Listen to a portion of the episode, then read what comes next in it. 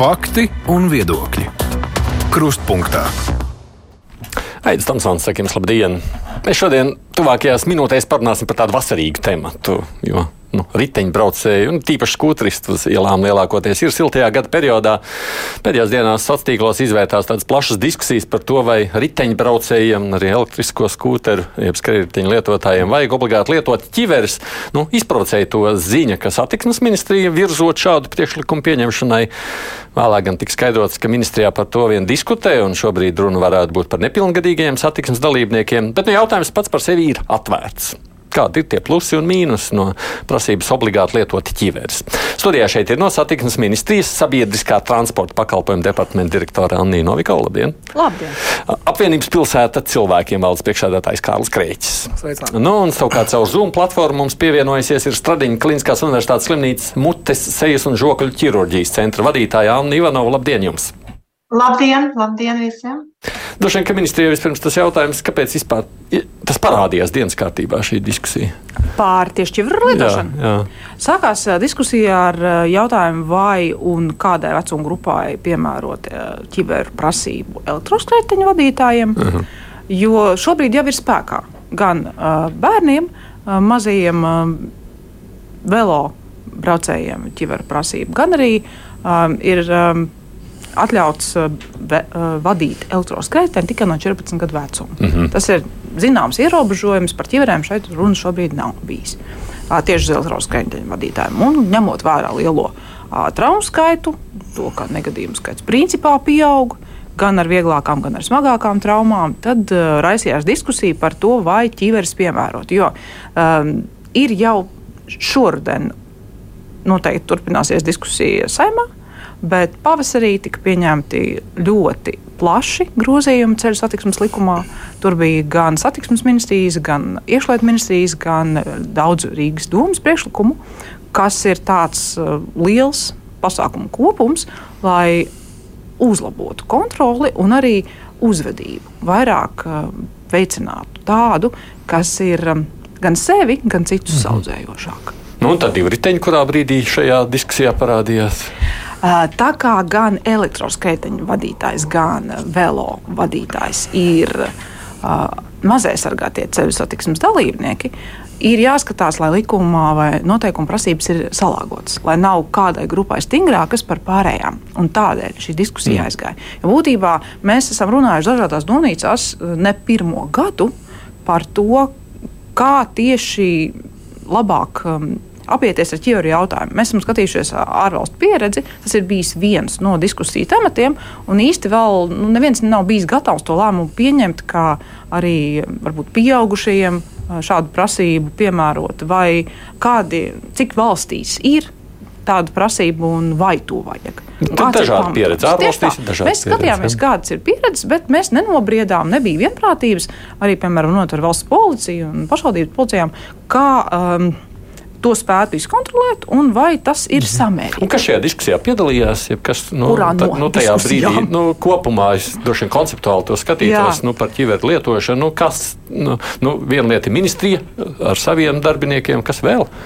Pēdējā saruna pagājušajā nedēļā mums bija starp ministriju Latvijas mobilitātes asociāciju un uh, vairāku slimnīcu traumatologiem lai tieši dabūtu datus no viņiem, mm. kā viņi redz šo problēmu. Tātad gan ārsti, gan braucēji. Jā, gan ārsti, gan braucēji. Braucējs saprot, skatoties vismaz tajā publiskajā uh, informācijas laukā, rādās, ka ir pret. Nu, mēs personīgi tur netikām uzaicināti. Arī Latvijas riteņbraucēju asociācija tur nepiedalījās. Un mēs esam pretī, jo mēs neredzam īsti pamatojumu šim lēmumam, nu, tādai vēlmei to izdarīt. Jo mēs arī skatāmies, tas, kas ir Eiropas saimnībā, pat labi ir, nu, teiksim, ja skatāmies citas valstis konkrēti, tad vienīgā valsts, pat labi, kur ir obligāti jālieto, ir Kipra, kas to ieviesa šogad gada sākumā. Vēl ir Somija, bet Somijā tas nav obligāti, tas ir ieteicami. Jā, tad, tad ir starpība, jā, teiks, nav, nav paredzēts nekādas par to sekas. Bet galvenais, kas mums ir par jautājumu, ir tātad, ko mēs vēlamies ar to panākt. Jo mēs redzam, to, ka nu, varētu būt vairāk zaudējumu nekā ieguvumu no, no tādas obligātas ķiveru uh, lietošanas, tāda, tādas kārtības. Nu, panākt droši vien grib jūs galvu nosargāt. Nu, mēs to redzam tā, ka arī es tieši šodien pārbaudīju par uh, velo ķiberu standartu, kas ir Eiropas saimnībā, un viņš ir uh, paredz to, ka tas nav paredzēts triecieniem, teiksim, sadursmē ar transporta līdzekļiem, triecienam kādā leņķī vai griežoties galvā. Ja, tad, tad tas ir tāds, nu, burtiski sakot, ja tu nokrīti tādā diezgan noteiktā leņķī kaut kā, tad, tad tev tā galva varētu būt pasargāta. Tā kā tas ķiveres nav īsti tam, tam domāts. No, jūs domājat, ka jūsu galva tur netika izglābta? Um, nu, vēl, vēl arī vēl viena lieta, kas arī liecina par to, ka mēs skatāmies vispār par datiem kopumā, vai mums ir dati, nu, kad tās galvas traumas tiek gūtas. Un, kā mēs to skatāmies, arī ļoti daudz ir galvas un kakla traumu arī autobraucējiem sadursmēs, arī gājējiem. Ja kas arī citu, ir mazaizsargātie nu, satiksmes dalībnieki. Un, ja mēs, piemēram, paralēli tādu analoģiju veiktu, lai nu, nav tikai par velo runāt, tad, piemēram, ziemā ir tā, ka arī daudz cilvēku rīt un sasitās, un tad mēs varētu arī obligāti noteikti visiem nesāt apavus ar radzēm. Un ķīveres arī, protams, jā, tā vietā, lai mēs tīrītu ietves vai bērtu virsū smiltis uz ietvēm. Jo šobrīd izskatās, ka tā ir cīņa ar sekām, nevis ar cēloņiem. Tad tā vietā, lai nu, tad, sakārtot infrastruktūru, un uz to būtu spiediens tagad izvēlās tādu vieglāko ceļu, nosakot kārtējo aizliegumu vai, vai, vai kaut ko piespiežot darīt. Kāds izskatās no ārsta viedokļa, ja jūs varētu, uh, Ivanovs kundze, izstāstīt, cik jūs savukārt redzat uh, nu, tiešām traumatismu, runājot par uh, nu, šiem mazaizsargātajiem satiksmes dalībniekiem? Jā, nu, tiešām paldies, kā uzaicinājāt uz šo diskusiju. Un, uh, Es priecājos no tā vien, kā tā diskusija notiek. Ja? Jo es jums pateikšu godīgi, ja, ko domā ārste. Uh, nu, ir tas traumatisms, viņš ir ļoti liels. Ja?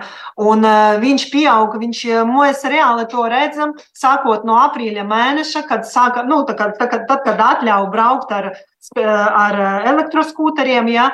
Ir visas nodaļas, kam ir kaut kāda saistība ar traumatoloģiju, visas ir momentāli jūt kaut kādu pacientu skaita pieaugumu. Nu, es domāju, aptuveni par 20%. Ja? Mums arī patreiz nodaļā ir pacienti ar uh, traumu no elektroskūtera, ja, kurai nebija ķīverē. Saku, nu, es speciāli no rīta gatavojoties raidījumam aizgāju, pajautāju tai pacientei. Ja. Nu, ziniet, es pateikšu tā, ka es, protams, es saprotu visus arī pretiniekus, ka negribās, jā, ka tur ir papildus kaut kādas uh, prasības, ja, bet nu, viennozīmīgi bērniem, pusauģiem tur vispār tas nav vispār apspriežams. Ja, ja kādam ir jautājumi, es saku, es man bija šodien no rīta arī tā kā Tāpat zūms ar bestabu, ja. Es saku, nu, bet eh, lai atnāk ekskursija uz nodaļu, saprotiet, lai atnāk uz uzņemšanas nodaļu, ja. Lai paskatās, lai parunā ja, ar tiem cilvēkiem, kas ir cietuši, un pajautājiet viņiem, ja, uh, nu, ko viņi ieteiks, tie paši cietēji. Jo es saprotu, ka no ārstiem vienmēr skan kaut kādi tur aizrādījumi, mēs vienkārši redzam tās traumas, ja. Un uh, tas nav vieglas traumas, ja, tas nav vieglas, viņas ir vidē smagas un smagas. Ja. Uh, runājot par elektroskūteriem, tur vispār es tiešām, es, es tiešām uh, uh, iesaku turpat nu, nediskutēt, ja, jo tas traumas ir tiešām briesmīgas. Mēs runājam ar, mums bija zums sanāksmes starp slimnīcām, mēs tā kā ārstu sabiedrība mēģinājām pirms sākās vēl ministru kabineta apspriešana, ja, runājam ar traumatoloģijas slimnīcu, ar rakus uzņemšanu, gaļezara slimnīcu, jā, ar bērnu slimnīcu, traumatoloģiju. Nu, visiem ir vienāds viedoklis. Jā. Noteikti vajag ierobežojumus, vajag stingrākas prasības. Jā. Nedrīkst bērni braukt, nedrīkst divatā braukt. Jā. Un, ja brauc ar riteni, cilvēki līdz 18 gadiem obligāti vajag. Jā. Jo redziet, es saku, nu, visi jau domā, ka tas notiek ar kādu citu, ja ar maniem nē, es jau māku braukt, es jau skatos, ja, bet, bet tiešām tas, tas traumas ir smagas, ja, un cieši sēs vidē trešdaļa. Un kā likums, tā nav teiksim, izolēta kaula trauma, ja, tas ir vairāk kaulu. Ja. Un tā kā mēs runājam arī gan ar kolēģiem, gan arī ar Bestabu, tad jūsu kolēģiem mēs runājam. Es saku, Saprotiet, eh, nu, bišķiņ piemērsās tas svarīgākais. Kas cilvēkam ir svarīgākais? Viņa veselība. Redziet, nu, tas ir tiešām mūsu, mums visiem tas ir svarīgākais. Ja? Un šī gadījumā, ja kādi pasākumi, kas var pasargāt cilvēku no traumatisma, tas ir tā vērts. Jā. Sakiet, vai jūs redzat arī atšķirības starp riteņbraucējiem un elektroskrējēju lietotājiem? Nu, mēs redzam, ļoti, es saku, tikko parādījies vispār tie elektroskūteri, jā, mēs redzam jau pagājušajā gadā. Jā. Mums bija gan trampunkta, gan arī nodaļā, jā, krāsas traumu pieaugums. Pie tām tādas, nu, es saku, tā kā pēc auto avārijas. Un divriteņu, un divriteņu lietotāji? Uh, nu, Tur arī, bet redzat, tā kultūra, laikam, jau divrītiņiem, viņam pirmkārt nav tik liels ātrums, ja, un tā kultūra jau kaut kā tur izveidojas. Un es domāju, ka arī uz ielām, ja, nu, tomēr, nu, teiksim, trākāk, protams, kā ir ar elektroskūteriem, ja. Bet es ieteiktu vienkārši kā ārsts, ja, es ieteiktu ieteiktu izmantot jebkuru aizsargu inventāru, kas ir pieejams. Ja? Jo skaidrs, ka mūsu pilsēta, nu, teiksim, Rīga, jā, arī varbūt ārpus Rīgas, ja? nu, protams, ka tā infrastruktūra nav piemērota, protams, ka pie tā arī vajag strādāt. Ja? Tas ir skaidrs. Bet redzat, konkrēta cilvēka negadījums, ja, konkrēta cilvēka traģēdija, ja, jūs jau atpakaļ to laiku nepagriezīsiet. Un tiešām šeit ir jādomā vienkārši par to, kā veselība ir galvenā vērtība. Ja? Un otrā lieta, ja, ka tiešām uzņemšanas nodaļas viņas ir pārslogotas, viņas ir, viņi izjūt to kā, slodzi, papildu slodzi siltajos mēnešos, ja, kad parādās tas pieaugums, traumu pieaugums. Un viņš uzreiz, es saku, aprīli, Tikko ir atļauts momentāli. Nu, jā. nu, es jau droši vien pamatā esmu divritiņu lietotājs. Nu, tā ikdienā vairāk bijis nekā elektroskūteri, lai gan arī ar to es esmu braucis. Nu, tā atšķirība droši vien man kā braucējam arī diezgan no tāda drošības viedokļa. Es jūtu to atšķirību lielu. Bet nu, es saprotu, ja runājam par pilsētas cilvēkiem, jūs vairāk raizieties par divritiņu braucējiem vai par visiem? Nu, mēs, mēs skatāmies to kā mikromobilitāti. Jautājums ir, kas notiks tad, ja cilvēki neizmantos tos velo vai elektroskūterus. Jā, tad ir nu, liela riska, ka viņi varētu izvēlēties automašīnas, kas mums galīgi nav pieņemams. Un te ir jāskatās, ka, kā vispār var būt situācija, ka bērni brauc ar elektroskūteriem. Nu, tad, kā tas ir vispār iespējams. Ja, tad, tad nomas elektrokompānijas nemaz nedrīkst viņiem tos iznomāt. Tāpat eh, divi tā braukt un tam līdzīgi. Tad ir daudzas neizdarītas lietas, kuras jau faktiski noved pie tās situācijas. Nerunājot vēl par infrastruktūru, protams, arī kas ir. Jo vajag arī datus, ja, kā notiek tās krišanas, kurās tieši vietās, kāds ir tas iemesls. Ja. Visus tos datus jau var vākt, bet kā jau jūs kāds, dzirdat, ko doktori saka, jā, datu vākšana nozīmē katru dienu kādu cilvēku. Nu, tas jā, bet, nu, lai mēs lēmumu varētu pieņemt pieņem, mums ir tas jāpamato ar kaut ko. Ja? Mēs nevaram vienkārši kaut ko. Mēs zinām, ka automašīnas ir bīstamas, tās izraisa avārijas, tad mēs tagad varam teikt, nebrauksim ar mašīnām. Nu, tas, kamēr cilvēki iet bojā, tikmēr autotransports nav pieņemams. Nu, tā tad šis nestrādā pareizi. Tajā pašā laikā nu, es nezinu, vai tas ir pareizs uzstādījums, bet vai obligāti vajag likt tiešām divriteņus un elektroskūterus vienā maisā? Viņi jau ir vienā maisā, un tā nav mūsu izvēle. Tas ir tā statistika. tā ir statistikas grupa, kuru formē visi iespējamie starptautiskie formāti, proti. Pasaules veselības organizācija, tā ir, tā ir arī Eiropas komisija. Tas ir ANO, tie ir visi, kas uh, uz šo skatās no ceļu satiksmes drošības viedokļa velosipēdisti, elektroskrēteņu vadītāji. Um, ārzemēs lielākoties to sauc par personal mobility device, proti tas ir individuāls braucamais. Mēs viņu esam nosaukuši par elektroskrēteni, bet um, tā ir lieta, ko tu lieto tikai un vienīgi savām vajadzībām.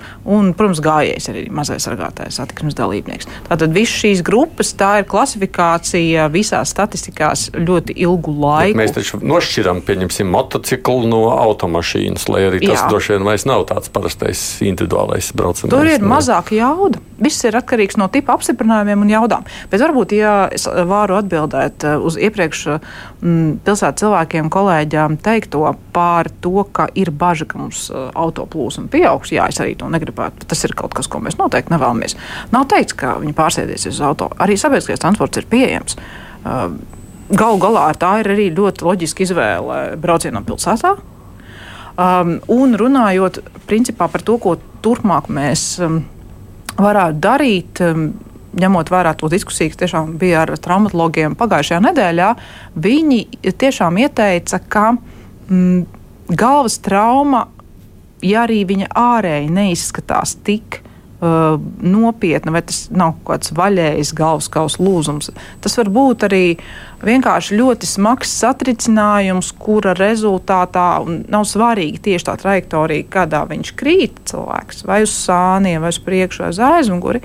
Ķivere tomēr palīdz. Viņa nenovērš traumu, bet viņa mazina traumas smagumu, jo bez ķiveres ir. Um, Iespējams, diemžēl tāds scenārijs, ka cilvēkam tieši dēļ galvas traumas var attīstīties invaliditāte. Nu, to labi, to droši vien doktori var komentēt šobrīd. Tas arī. ir tas, ko es atceros no tās prezentācijas. Mm. Padalīšos noteikti ar to prezentāciju, ko mums sūtīja traumatologi, bet sanāksmē eh, jūs pārstāv nebija klāt tādēļ, ka sanāksme bija otrā atbildot tieši uz Latvijas mobilitātes asociācijas priekšlikumiem.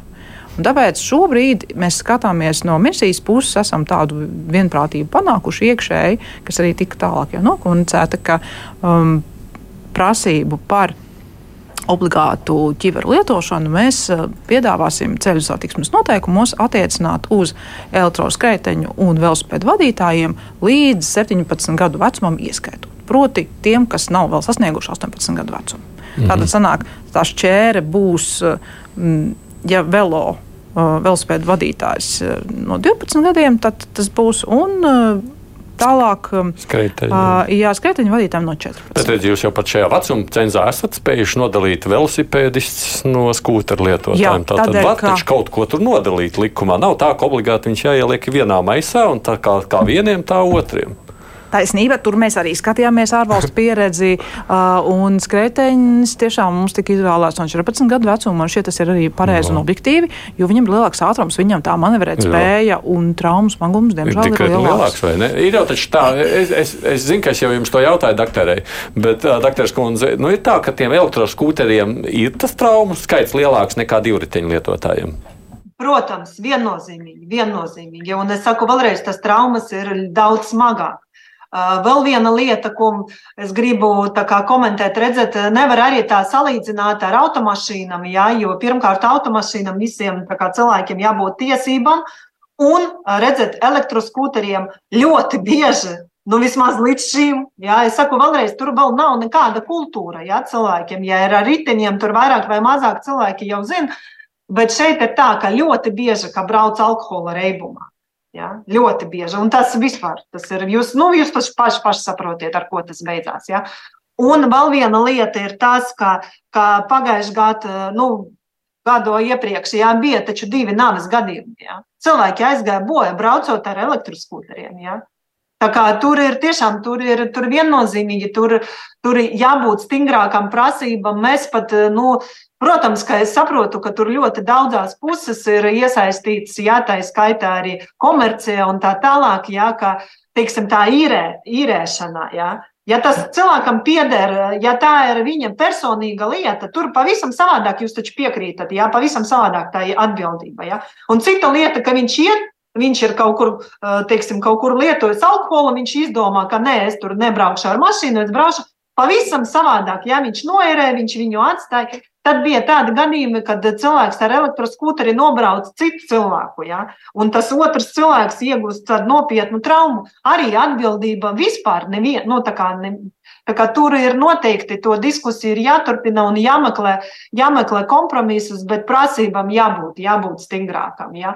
Bet es saku vēlreiz par tām ķiverēm. Nu, Viņi pasargā no, ja ir sejas kaula lūzumi, sejas kaula lūzumi, tas vēl tā vidēji smaga trauma, bet ja ir tiešām kombinēta, kad jau ir galvas smadzenēs, ja, nu, es saku, tad, tur var būt nopietnas sekas. Ja, Un, un tur pēc tam, ja saprotu, nu, saku, paši tie cilvēki, nu, pajautājiet tiem cilvēkiem, kas ir guvuši šīs traumas, vai viņi braukās vēl.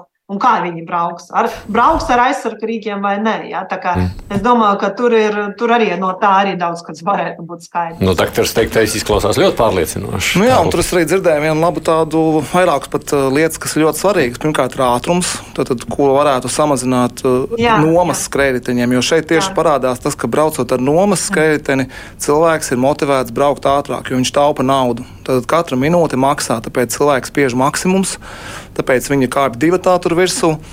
Un, nu, un tad arī runājot ar tiem nomas kompāniju pārstāvjiem, vairākus gadus atpakaļ bija sajūta, ka viņi pa lielam nav motivēti kaut ko daudz mainīt, tāpēc ka viņiem tas ir ok. Nu, ja nav kaut kādi normatīvos ierobežojumi.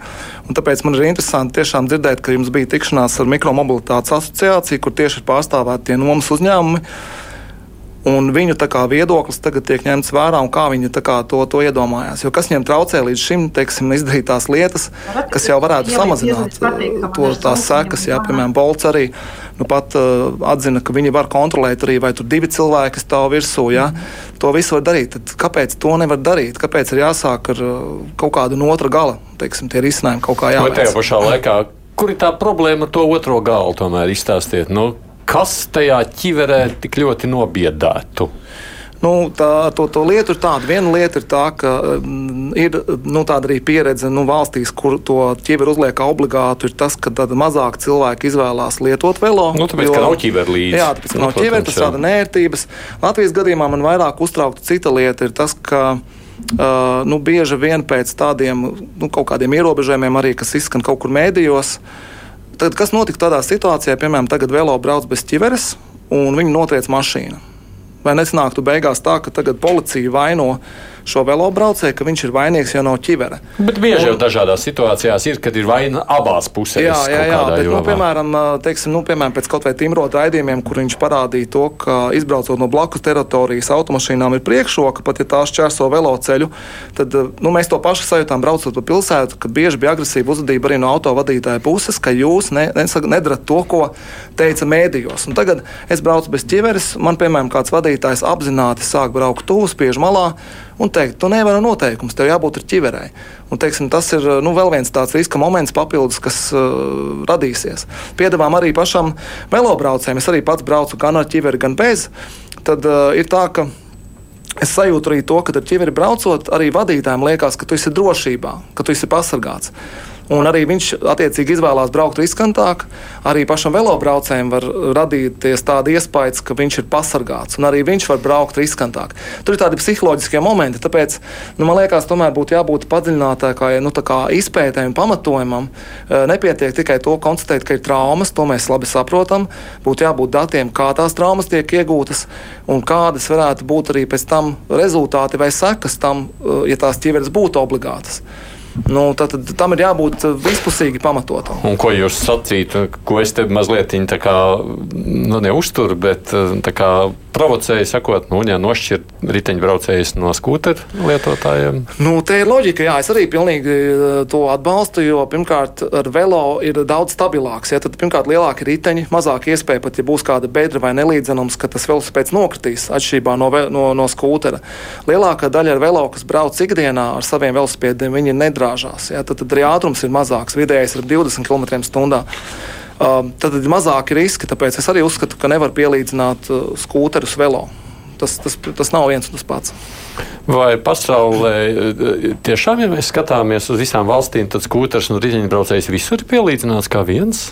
Mm, nav identiski. Bieži ir stingrākas prasības tieši elektroskrējējiem šī ātruma dēļ, ko mēs jau runājām. Uh, tehnisko iespēju dēļ, un bieži vien atšķirās tās iespējas, kur viņš var pārvietoties. Proti, lielākā daļā valstu pa ietvi braukt ir aizliegts.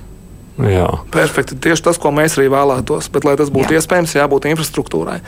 Un tā problēma Jā. ir tā, ka tas nav tikai par to infrastruktūru, kas ir pat laba, bet Latvijas pilsētās joprojām tiek būvētas bīstamas ielas, nedroši veloceļi un ietves. Un, diemžēl satiksmes ministrijas iesaulnieka kungs paziņoja, ka satiksmes ministrija nevar piespiest pašvaldības neko darīt šajā ziņā. Es teiktu, tā tad varbūt vienkārši nedodam valsts finansējumu infrastruktūras būvē tām pašvaldībām, kas to neievēro. Un arī Eiropas nauda varbūt nebūtu jādod tādām pašvaldībām. Jo mēs būvējam joprojām tādu vidi, kur tie, tie gadījumi notiks ar ķiverēm vai bez. Tas ir pilnīgi vienalga. Ja tev, piemēram, uz vietas uzbrauc virsū velobraucējs ar ķiveri gājējiem, tad kāda gājuma ir starpība, vai tam velobraucējiem ir ķivere vai nav? Es personīgi neredzu nekādu starpību. Nu, tas kompromiss, ko jūs tagad piedāvājat, tas ir pagaidu variants vai Nu, ja runājam par to, ka tas ir līdz 17 gadu vecumam, kā obligātās ķiveres, vai tas ir tikai šobrīd tāds piedāvājums? E, piedāvājums ir jānobried šonadēļ, jo pagājušajā nedēļā vēl bija diskusijas, un būtībā šodien mums ir trešdiena, attiecīgi vakar aizvakar šāda pieeja nobrieda. Proti, tagad absolūti vienlīdzīgā veidā mēs šo projektu sūtīsim saskaņošanai vēlreiz. Visiem būs iespēja izteikt viedokli. Tā skaitā visām iespējamām asociācijām, nevalstiskām organizācijām, laipni lūgti. Un tad skatīsimies, vai šie viedokļi ir pretēji. Mums vajag vēl vienu domnīcu vai divas pēc ierastā um, šablona, kur tiešām tiek sēcināts maksimāli liels pārstāvības lokus, vai arī to varētu uzskatīt par soli par tajā virzienā, kur mēs vēlētos, jo tas jau ir tikai viens no pasākumiem. Ir arī daudzi citi, kas jau minētajā likuma projektā, kas ir likums jau pieņemts, ir ietverti. Daļa stāsies spēkā no septembra, daļa no janvāra, daļa no aprīļa, bet principā tas ir tiešām pasākumu kopums, lai tā situācija uzlabotos. Un par, par braukšanu, par sajūtām ar braukšanu ar vai bez ķiveres, jā, tas droši vien ir Varētu būt, ka ir kāds pētījums, kas to pamato, varētu būt, ka ir individuāli viedokļi, bet eh, principā nu šeit gribētos paņemt analoģiju ar motobraucējiem. Nevienam lielākoties šaubu nerodas par to, ka motobraucējiem ķiveri ir jālieto. Un ļoti vēlams ir lietot arī ekipējumu. Jo tas, ko diemžēl joprojām var uz ielām kādreiz vasarās redzēt, ir iešļūcenes eh, ar šortiem kombinācijā. Nu, ķiveri ir, bet ir iešļūcenes un šorti. Nu, ir ļoti skaidrs, ka, ja cilvēkam ir pārlaimējies, tad viņš nav izjūtis, kādas varētu būt sekas. Bet pieredzējuši braucēji uz šādiem uh, braucējiem skatās, nu, ar, maigi izsakoties, smīnu. Nu, pēc analoģijas varētu teikt, ka arī sporta sacensībās braucot ar velo pilnīgi noteikti ir jālieto ķiveri. Par to nav jautājums. Tad ikdienas braukšana pilsētā tas nav tas pats, kas sacensības, sporta sacensības. Daktēra, nu mēs redzam šī brīža kompromisu visiem braucējiem līdz 17 gadu vecumam. Ko jūs sakāt, pietiekošs kompromiss? Nu, nē, viennozīmīgi jā, ka vajag, jā, bet es saku, es vēlreiz gribu aicināt sabiedrību, katru no mums saprast, ka mūsu veselība ir mūsu pašu atbildība un tā ir mūsu galvenā vērtība. Ja? Protams, ka pie, jebkāda, nu, pie jebkādas traumas cilvēkam ir jāsaprot, ka viņš ir līdzatbildīgs. Ja? Un um, mana izpratnē, ka, ja ir iespējami jebkādi papildus drošības pasākumi, nu, viņus ir jālieto. Es tiešām, nu, es saku, mēs vienkārši redzam, redzam tas sekas, redzam tas traumas, un ticat man arī, nu, katru dienu ar to strādājot, mēs vienalga jūtam līdzi tiem cilvēkiem, un uh, tas ir, tas ir, tas ir nopietni, jā, nu, bērniem tur vispār nav runājams, un es, teiksim, elektroskūterus, es neļautu arī 14-gadīgiem bērniem braukt. Ja? Un es arī gribētu, ļoti gribētu, lai būtu skolas, ja, lai būtu apmācības, arī lai būtu arī velo braucienam apmācības un vēl jau vairāk tiem skūteriem, ja, jo tas ir, tas ir tiešām nopietni. Un es saku, veselība mums ir dota, un tā ir galvenā mūsu vērtība. Ja? Par to es saku, diemžēl sabiedrība tiek aizmirsts, ja, bet tas tā ir. Nekas vērtīgāk nav par to. Tas ir mans galvenais sūtījums sabiedrībai un visiem. Uh, iesaistītām, visām iesaistītām pusēm. Ja? Un es saku, ticiet man, cilvēki, kas ir bijuši mūsu nodaļā vai kāda cita traumatoloģijas nodaļā, viņi brauc ar ķiverēm, viņi brauc ar ekipējumu, un visi tie motociklisti tur vispār tur pat nav norautas kājas un norautas rokas, ja, un, un neko jūs atpakaļ neatgriezīsiet, ja, un nekādu veselību jūs neatgūsiet. Ja. Ja tas ir tikai nu, laimes jautājums, kam paveiksies, kam nē, ja jūs saprotiet. Tā kā es tomēr tiešām aicinu cilvēkus vienkārši apdomāt. Protams, ka ja tur jāizbrauc līdz kaimiņiem vai kaut kādam mazam veikaliņam, nu es saprotu, ka tam cilvēkam negribās neko papildus vilkt, bet ja ir paredzēts brauciens cauri visai pilsētai, pa vanču tiltu kādreiz brauc, nu man, es, man pašai bailes braukt gar viņiem, jā, ar automašīnu man bailes, jā, ka mazums to cilvēku kaut kas notiks, jā. Paldies. Bet ir, ir labi, ka ir tāda diskusija, un es saku, obligāti vajag arī iet uz skolām, ja, un runāt, un to veselības mācību obligāti arī vajag. Ja? Paldies! Mm. Paldies! Es teikšu Anna Ivanovai, Stradīna Kliniskās universitātes slimnīcas mutes, sejas un žokļu ķirurģijas centra vadītāja. Paldies, ka pieslēdzāties. Mēs vēl šeit studijā turpināsim dažas minūtes atlikušajā ētera laikā runājot. Vai es pareizi saprotu, satiksmes ministrijai pārstāvi, ka nu, būtībā jau ja uzliek obligāts ķiveres, tad nomas šie te, nu, pakalpojumu sniedzēji būtībā paliek bez biznesa savu, tāpēc tās ķiveres nevar uzlikt. Nē, tā nav. Viņa nu, jo, nu, neviens jau ar ķiverēm apkārt nestaigā tajā brīdī, domājot, ē, man vajadzēs pabraukt ar skūteri. To var uh, norganizēt, un viņiem nav iebildumu. Šobrīd, šobrīd diskusijā ir vienošanās, ka nomas uzņēmumi ir gatavi nodrošināt. Ka viņiem būtu arī ķiveri klāta. Jā, tātad līdz 17 gadu vecumam. Jā, Jā. No, kura, no cik gadu vecuma vispār drīkst iznomāt šobrīd skūterus? No 14? No 14. Arī drīkst iznomāt. Kas nozīmē, ka tad varētu būt, ka parādīsies skūteri ar kaut kādām, nezinu, pieslēgtām ķiverēm. Vai arī man šķiet ļoti simpātisks uh, variants, kā pakus kapis, kur tu vari viņu paņemt un pēc tam atlikt atpakaļ citā vietā. Mm. Jo tā kā mums ir tūlīt būs spēkā arī regulējums par vietām, kurās tikai un vienīgi var atstāt un paņemt elektroskrēteni, tur ir ērti izvietot arī šāda veida uh, punktus, kur var uh, paņemt un nolikt atpakaļ. Okay. Kas tad bija tas iemesls, kāpēc tomēr beig beigās jūs atteicāties no domas visiem? Konkrēti iemesli nebija. Jāsaka tā, ka es neesmu visu šīs situācijas autors. Mums bija vienkārši darba diskusija ar traumatologiem pagājušajā nedēļā, ja, un tad mazliet politiskajā a, laukā parādījās atsevišķi izteikumi. A, bet a, man kā politikas veidotājam ir jāpanāk kompromiss starp visām pusēm un jāvirza tas ko mēs šobrīd Latvijā varam vienoties. Ar to es arī nodarboju. Kāpēc braucēji nobremzēja šo uh, ideju? Tā. Bija dažādi, ļoti, ļoti vesels, pilnīgi liels spektrs no uh, viedokļiem radikāliem, mm. absolūti pretējiem. Tā kā, bet tā ir gan izjebkuru lietu, jo šī ir viena no tādām tēmām, ceļu satiksme vispār. Ir tas, kas skar katru. Ceļu satiksmē mm. mēs esam katrs, un mēs katrs pieņemam katru dienu, esot pat gājējis, pat velosipēdists vai skriteņu vadītājs, daudzus mazus lēmumus secīgus. Un kādreiz šie lēmumi var novest jā, pie tādām sakām, kā stāstīja ārsti. Bet uh, kādreiz jā, viss ir kārtībā. Tas ir tāds nu, apstākļu kopums. Es skatos, ko ļaudis raksta vēstulēm. Nu, man liekas, ka es tādu pilnīgi noteikti lielāko vairākumu redzu no ļaužu atbalsta, sakot, ķiverēm jā.